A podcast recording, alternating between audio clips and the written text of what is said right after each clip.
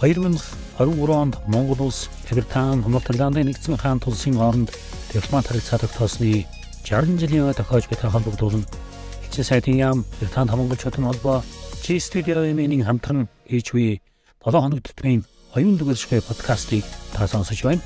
Подкастын зорилго нь Британи улсад ажиллаж амьдарч буй үеийн монголчуудын төлөөлөл, Монголтой холбоотой төвлөрийн үйл ажиллагаа явуулдаг Британи иргэдийн төлөөлөлтэй ярилцаж тэдний мэддэг төрслөхөөс үзэгч сонсогчтойгоо хуваалцахад иршнэ.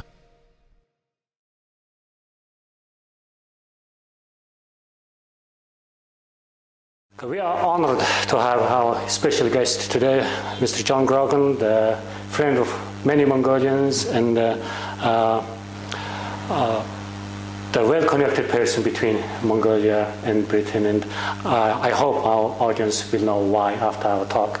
So thank you for accepting our invitation. As I mentioned, you are the friend of Mongolians in the UK and also lots of Mongolian generations of politicians and businessmen know you and uh, so, how did you get involved with the Mongolia in the first place? Well, I live in the north of England in a place called Yorkshire. Mm. And going back uh, even into the 1980s and before then, there was trade between uh, Yorkshire and also uh, the borders of Scotland with Mongolia about cashmere. Uh, it goes back uh, decades and decades. And so there was clothing firms in my area who had links with Mongolia. And there was one called Burton's Clothing, which was very famous at the time in Yorkshire. And the sort of patriarch, the owner of the uh, uh of Burton's, went to Mongolia in the 1980s. He just made one visit, but he fell in love with Mongolia. Oh, and he came back, and I was working for the council, for the mayor of the city at that time. Oh, I was okay. his assistant. And he, Stanley Burton came back, uh, back from Mongolia and he wanted to uh, do something for Mongolia. So he opened, uh, he funded a Mongolian studies unit at the Leeds University. Oh, that's, and that's why many Mongolian, yeah, yeah, and that's why many Mongolian students, uh, some still go to Leeds to this day. There is that link there, uh, and uh, some uh, Mongolian politicians have studied in Leeds or, or, Bradford. Yeah, indeed. Yeah, yeah, yeah, exactly. Or Bradford, the neighbouring city. Mm. And so the links go back to those days. So I knew something about Mongolia. Oh, uh, and then when I came into Parliament, uh, you can imagine, you know, lots of young, ambitious MPs want to be chair of the United States group or the uh, China group, mm. but possibly fewer, you know, the Mongolia group. Yeah. Uh, but on the other hand, you can do more good, I think, you know, being uh, chair of a group like the Mongolia group in terms of contributing to the relations between the two countries. Uh, and so when the opportunity came up, I, I uh, was chair of the Mongolia group, and I first went, I think in 1998, there was a chance oh, to go on a delegation long, a long time ago. Oh, and 25 years. Yeah, yeah. The first time you visited the First time I visited, yeah, exactly.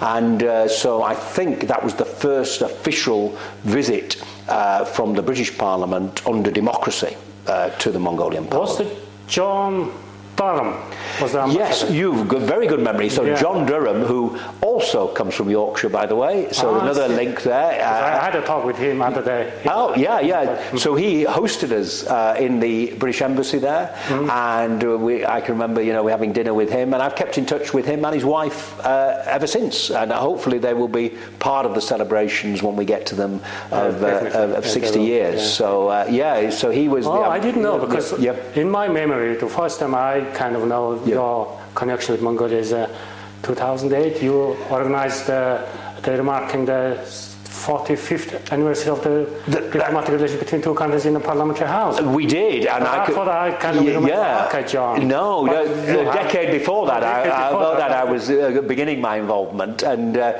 but yes, you you remember well uh, that 45th anniversary celebration, and we did it in the heart of the British Parliament, and we took over various rooms, and it wasn't just a drinks reception. If you remember, we had a fashion show. Yeah. It's the only time in my life I've ever. Uh, I was the wrestler. Yeah. You were the wrestler. Yeah, yeah if I remember, you were not meant to be the wrestler, but the wrestler didn't yeah. turn up, so you quick, so yeah, to, you, yeah, you, you, quickly got changed. yes. So we had wrestling, we had a fashion show, uh, we had all sorts of things going on to celebrate 45 years, uh, and uh, yeah, yeah. So Davaasambuu, Mr. Davaasambuu was yes, yeah, he was coming to the end of his time there, I think. Then, How many ambassadors have you? I think I've seen five uh, ambassadors, uh, Mongolian ambassadors here, and I think uh, seven British ambassadors uh, the other way I've known, uh, and uh, uh, and so uh, yeah, and then in 2010 I thought I, I, retired from Parliament. Mm-hmm. I thought forever, but it didn't prove to be the case. I came back in yeah, 2017, yeah. but then the ambassador at the time, Altangerel, he, he said, um, "Can we set up a Mongolian British Chamber of Commerce?" Because yes. there wasn't one, and I had some experience in business, uh, and uh, I later went on to chair a, a coal mine in, in my area. Uh, so yeah, so I had you know I had some experience in business.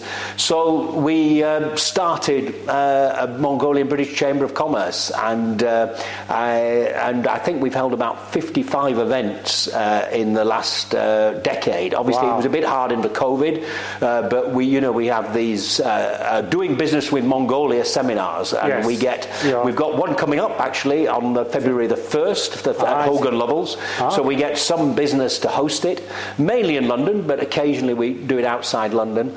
And we get three or four different speakers with a different experience of Mongolia. They could be okay. Mongolians, yeah. they could be British, yeah. and they all give a little talk. And then in Mongolia, we've done nine Scottish Burns suppers. I remember that yeah, I think, have you been to one of them? No, no you've never been. Well, well, we, Every we, time the seminar you mentioned about the, yeah, the yeah. event will take in January. Exactly. So we hopefully we'll certainly do a tenth. It's probably going to be next year now, but we, we yeah we'd like to do a tenth in the series. And uh, think, yeah, yeah, because yeah. you just mentioned. Uh, I think also you are the most visited person. Yes, well, I think. Well, there may be. I, have been 50 times. Wow, uh, so yeah, I yeah, haven't yeah. been that many times no, no. since I came, back, no. come to UK. So it was. I, I, mean, one year I went eight times, which is ridiculous, really, because wow. you know, you, everyone will, listening to this and watching it will know how hard it is sometimes to get you know yeah. to Mongolia. It's a day's journey either way if it goes well, but sometimes it can go badly, you know, in terms of a delay or whatever. And so, but it was that that was in the years when we were just getting the chamber established, uh, uh, and so I had to go a lot really. And uh, uh, but you know, I, I, there's been it's obviously a long distance relationship for business, but we have seen as obviously in, in Rio Tinto is the big one, and I'm glad to see there's mm. better relations now. That mm. you know, there's quite rightly there's been some hard negotiations, uh, yeah. which you'd expect in a democracy. You yeah. know, that's a good yeah. thing.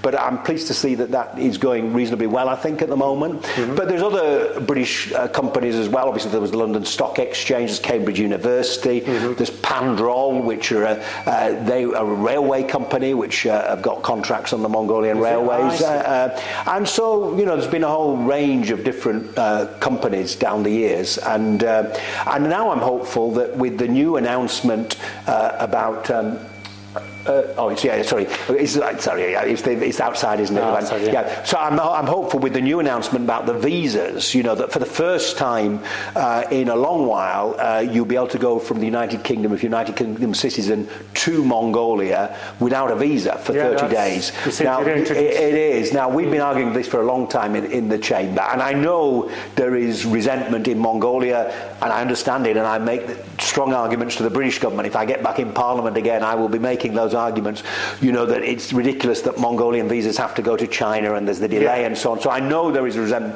On the other hand, that's very good news. Yeah, I well, hope you will. Well, I, cer- I will certainly argue that case, and I always have. But I've equally, for the last ten years, been arguing the case. Whenever I meet a Mongolian politician, I say, look, you know, tourism can be, a, a, particularly after COVID, can be a way of getting the rural areas going again and getting a bit more money and foreign money exchange into Mongolia. And it is a competitive market is tourism. Hmm. You know, there's quite a lot of money there, and you know, adventure tourism. Course, pe- yeah. Rich people, you know, who will come and uh, you know pay a lot of money to go out into the countryside and have adventures. But there is other countries, neighbouring countries, Kyrgyzstan, Kazakhstan, and so similar, on, and yeah. similar. Yeah. And if they have a visa-free policy, it's easier for the travel agencies to send them there. The yeah, yeah, they do, they do. So I think it is a very practical measure hmm. uh, to celebrate celebrate 60 years of relations uh, that this no is the, the no visa, and I'm hoping it'll probably take. Uh, hopefully the numbers will go up this summer, but I'm hoping next summer next and summer. next year that's when it'll have the real impact because you know it takes a while for uh, tourism firms to plan and, and, and for that's people true. to become aware yeah. of the change. Yeah, the logistics of to get reach to Mongolia is a bit difficult at the moment, but I guess the Yeah. tourists, tourists will find out the way. I, I hope so, and also I think I read last week that Miat and uh, Turkish Airlines are doing a code share, uh, and so that may help uh, um, uh, easier ticketing. Yeah, yeah, easier ticketing between the two airlines. I, I think that's a good thing, uh, and will help uh, get visitors to Mongolia. So I remember the Mongol Rally used Yes. to be the, one of the also main attraction Yes.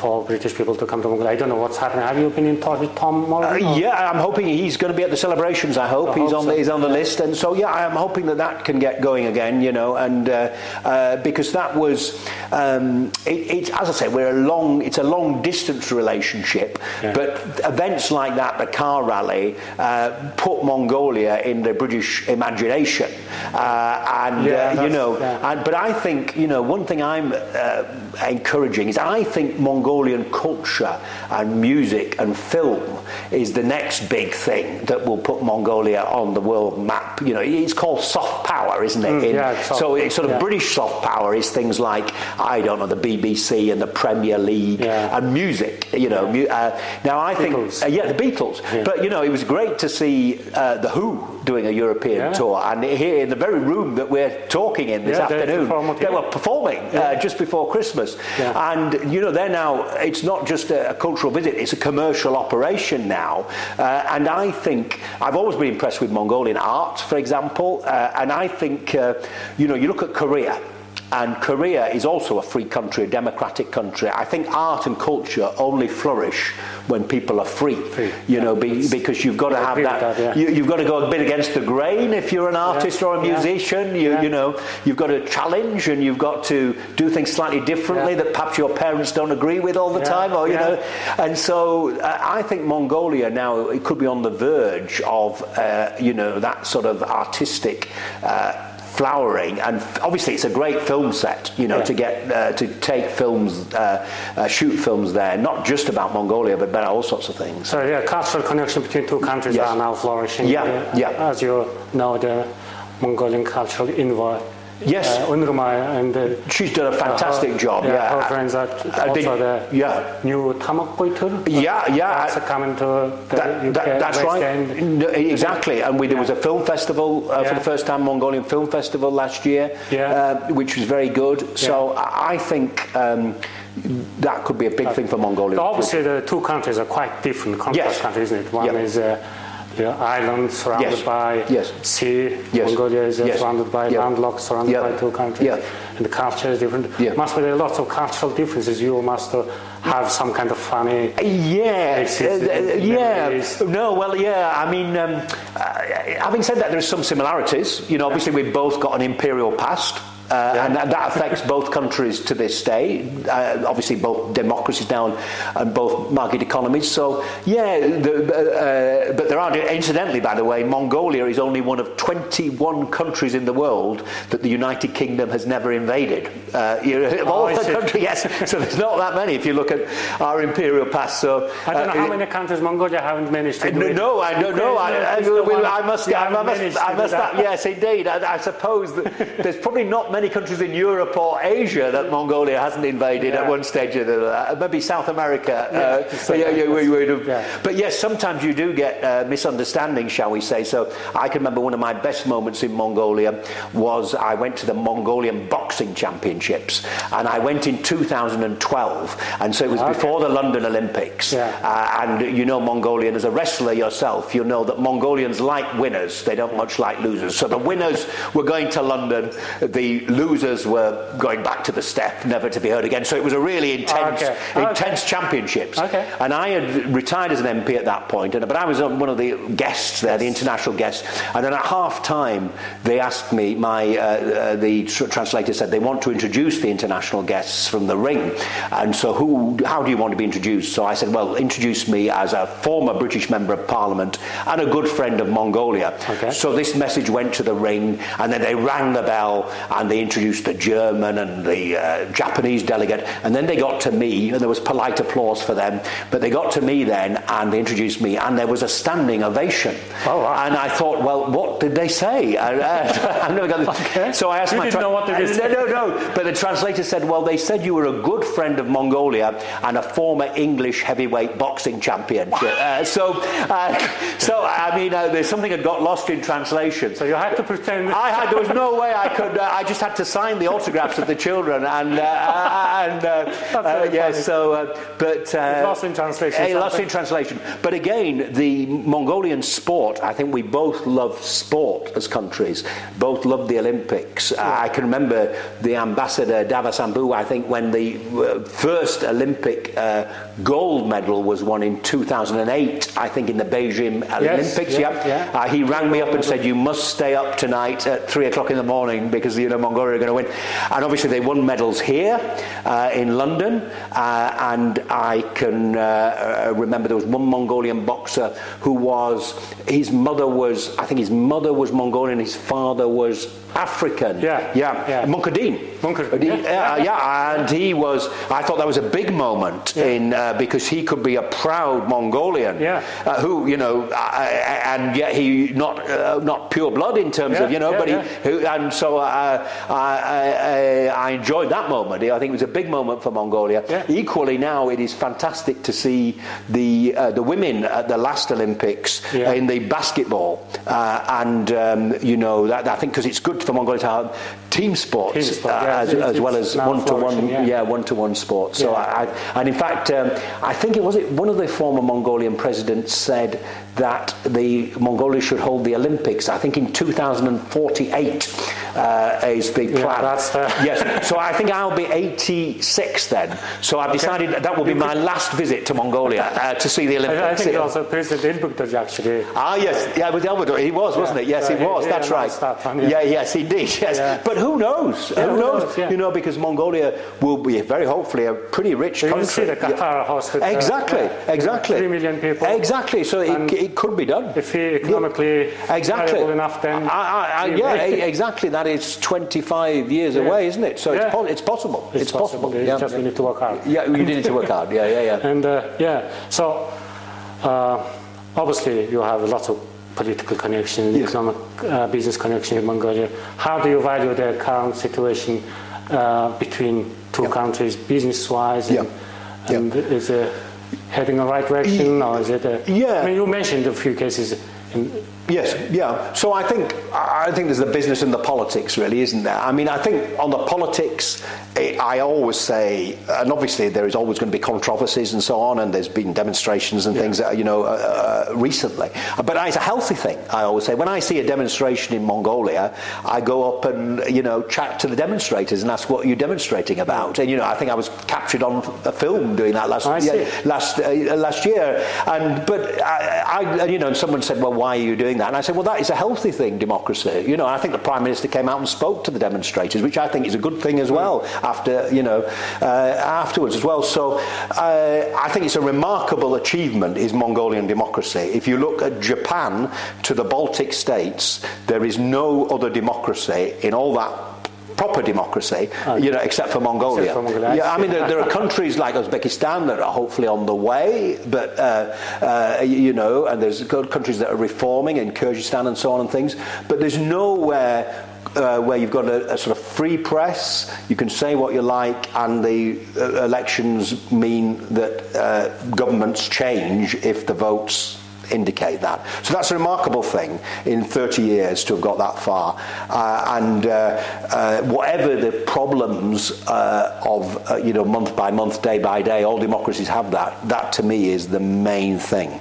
Uh, as for business, you, you know, it's hopefully COVID was a big, big thing, wasn't it? And, and Mongolia's had its difficulties as well with the China lockdown. Uh, and it's good that the railways are now, you know, improving there to the borders and so on and things. That's going to make a big difference in terms of exports. Uh, it's been difficult with the situation in Ukraine. Mm-hmm. Uh, and, and one thing we did do in the United Kingdom, one thing that we did do with the Chamber is lobby the British government uh, to uh, make an exception for Mongolia, making payments for Russian oil, mm-hmm. you know, so that, that the sanctions uh, were not applied because the banks um, obviously didn't want to break those sanctions. So we successfully lobbied, uh, uh, have, you know, having had communications with the Mongolian government and mm. with the Mongolian central bank. Mm. So that was a, a good move. Mm. And uh, you know, Mongolia is this is meant to grow this year more than most countries in the world. So I'm hoping that um, we will see more British investment there. I mean, it's nice to, hear the British government is uh, supporting Mongolian democracy as yeah. much as they could. Yes, a, a, yeah. awkward position. It was an awkward position. People recognise that, yeah. you know, and, and, uh, and, obviously it is. I, I myself am uh, I'm actually banned by the Russian government. I can't go to Russia uh, because I, I, have supported uh, Ukraine and the democracy there as well as in Mongolia. So I have to be careful now on my flights that I don't go over over Russia. But I understand, obviously, it is a, a, subject of debate in Mongolia, but it, it, it is uh, obviously more difficult in Mongolia. Yeah. Uh, uh, uh, and um, I, I, think that. Yeah, I mean, the current yeah. political situation in the world is a bit strange. It, it is. it, it, it is. War and COVID. It, is. Yeah, it is. So, yeah. It is. But you know, it is important Mongolia that is there is a democracy. It has its third neighbour policy. Also, I think, and who knows in the future whether this can be uh, uh, Mongolia can play a key role. Its relations with both North and South Korea are important for the international community as well, because it's the only country in the world really that has cordial relations with both North Korea and yeah, South Korea. And uh, you know know, I think it was uh, Mongolia was nearly the venue for talks uh, when President Trump was in charge with the North Korean leadership. In the end, it yeah. wasn't Mongolia, but it could be in the future. Yeah. Uh, and so Mongolia does play an important role, and also obviously in peacekeeping yeah. as well, alongside British soldiers as well. At some sometimes uh, Mongolian soldiers are good, as you'd expect the uh, the descendants of Chinggis Khan to be. yeah, yeah, I'll yeah. say okay, yeah. yeah. yeah. So we speak just before the very exciting celebrations of 60 years of diplomatic relations between our two countries, and what a day that must have been when the diplomatic relations were first signed.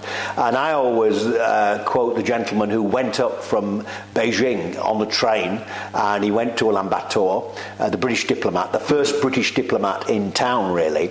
And he reported back uh, to the Foreign Secretary at the time, uh, and he said uh, Mongolians are a people who have a capacity to make friendships and a love of freedom. Wow. Now, what an amazing thing to say yeah. Yeah. in the uh, early 60s. Yeah. Uh, uh, you know, I was barely born, you know, in those days, but you, you, you, think back to, you know, to how different it must have been mm. in Mongolia, but for that diplomat mm. to spot that. And so it's well worth and we were the first country, Western country. India had, relate, had uh, uh, recognised Mongolia by that stage. Mm. Mongolia was in the United Nations, but we were the first European or North American country to recognise. At that time, Mongolia was a red hot communist country. It was, and I think there might have been a bit of spying going on in the British embassy, yeah, probably. Yeah. Uh, you know, there might have been a bit of spying, yeah. and uh, and then there was the great tradition for uh, many years, which is still going on another bar of the Steppe Inn at the British embassy in Mongolia, which you know was the bar really, the ambassador serving behind the bar, and yeah, yeah. who that must have been quite something in the 80s, I think, and uh, which existed back until the 90s. Every Friday evening,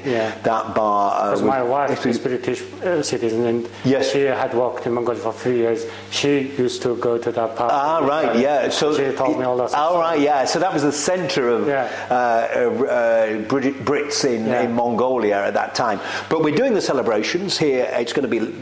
We're looking forward to the visit of the Deputy Prime Minister uh, from Mongolia whose uh, his office is connected very much with the embassy here and also with me and things, yeah, and you know, good, yeah. trying to get as many meetings as possible. So we're looking forward to that. Oh, okay. And then we, uh, as a chamber, on uh, the week after that, on February the first, uh, are having our doing business with Mongolia seminar at Hogan Lovells. And Sirod, uh, and Sirod, our big friend in Mongolia, yeah. who we cooperate with, uh, Sirod and B2B Mongolia. He's bringing a delegation of about 20 Mongolian oh, wow. businesses over. Mm-hmm. so we're looking forward to to hosting them.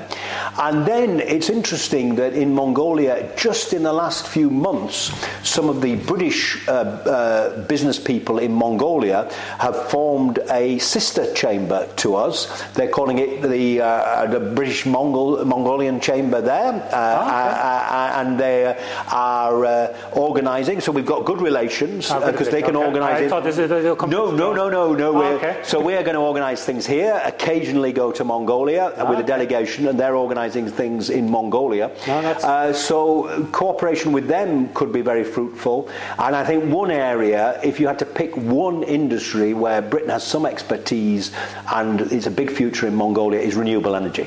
You know, we're obviously seeing Hmm. Yeah. wind energy in Mongolia now, expansion of solar, and you could see in a generation anyway, well, not even a generation, in you know, the next 10 years, there's always been big ambitions for Mongolia to be supplying not just energy, renewable energy to Mongolia for climate change reasons and all sorts of things, but an Asian grid, you know, supplying climate change, uh, supplying renewable energy beyond to Japan and to China. And because coal's not going to last forever, is it? It's not going to last forever. That the that those big rail trucks are going to be going to China. But hopefully, Mongolia in the next generation can uh, export clean energy to China and Japan. Yeah, yeah, yeah and perhaps there might be. Yeah, and perhaps there might be you know one or two contracts for British expertise uh, in those uh, in the development of that industry. So that would be the one that I would pick out for the future. Mm, okay. I mean, uh, we really appreciate your you know, hard work and support to develop the uh,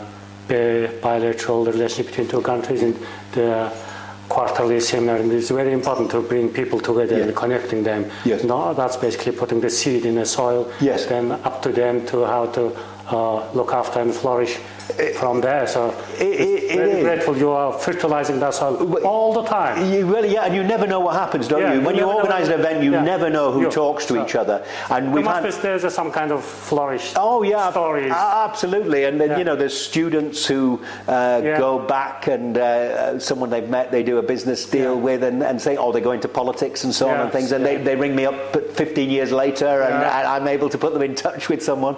So uh, Yeah. yeah. I think, um, but you've got to be persistent. I think that's my uh, uh, Pandrol are my favourite, and they they're the rail company. I agree with that. Uh, and you know they they just uh, they the, the you know the rail tracks and the sleepers they have the equipment that joins the rail with the sleepers Mm-hmm. uh, and they really work in cold temperatures which is obviously Mongolia Mm-hmm. and they you know f- for five years they competed with the Germans to win the contracts in uh, in Germany and if there's one uh, and it wasn't just me just me it was their hard work and so on but if there was one thing I was most proud of it would be them winning that contract because they didn't take no for answer and I helped them as much as I could and uh, uh, you know they're now uh, supplying uh, and working with Mongolian that's very good companies news. yeah, okay. So I think also the Mongolian government or Mongolian companies are are step into that. You know, building railways, Yes. connecting town, uh, cities, towns, and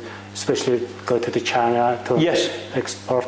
The- yeah, absolutely, mining products A- and, yeah, absolutely. quite- Uh, and we started talking about cashmere, didn't we? As, Oh, yeah. That was my first, and perhaps to end really with cashmere as well. That it, it, there is the Sustainable Cashmere campaign, which is based here. Yeah, Uh, it- Sustainable Fibre Alliance. Sustainable I- Fi- I Fibre Alliance. for part of that, Yeah, yeah. exactly. Sustainable Fibre Alliance. Una uh, Yeah. uh, uh, runs it, and we've had various uh, meetings with them and so on and things. But for Mongolia, I think that's so important that the cashmere, that the herders and the companies get a fair deal for that, Yeah. and uh, they, you know, they get uh, uh, not just a small price, but they get a, a fair deal, uh, and and also that the cashmere companies start to uh, export, as some of them are now, and, and controlling their exports to the UK market. Because I think fashion is again, it's part of Mongolia's cultural band, brand, isn't it? That Yeah. it's it's not just the raw cashmere; it's Yeah. the Mongolians who design Yeah, uh, the, the, the the clothes are, yeah,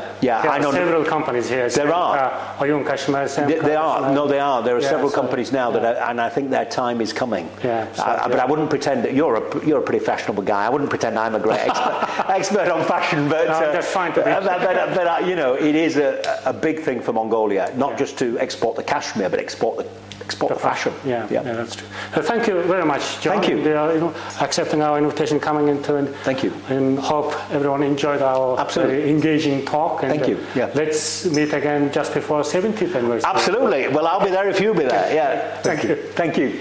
Bye bye. Cheers.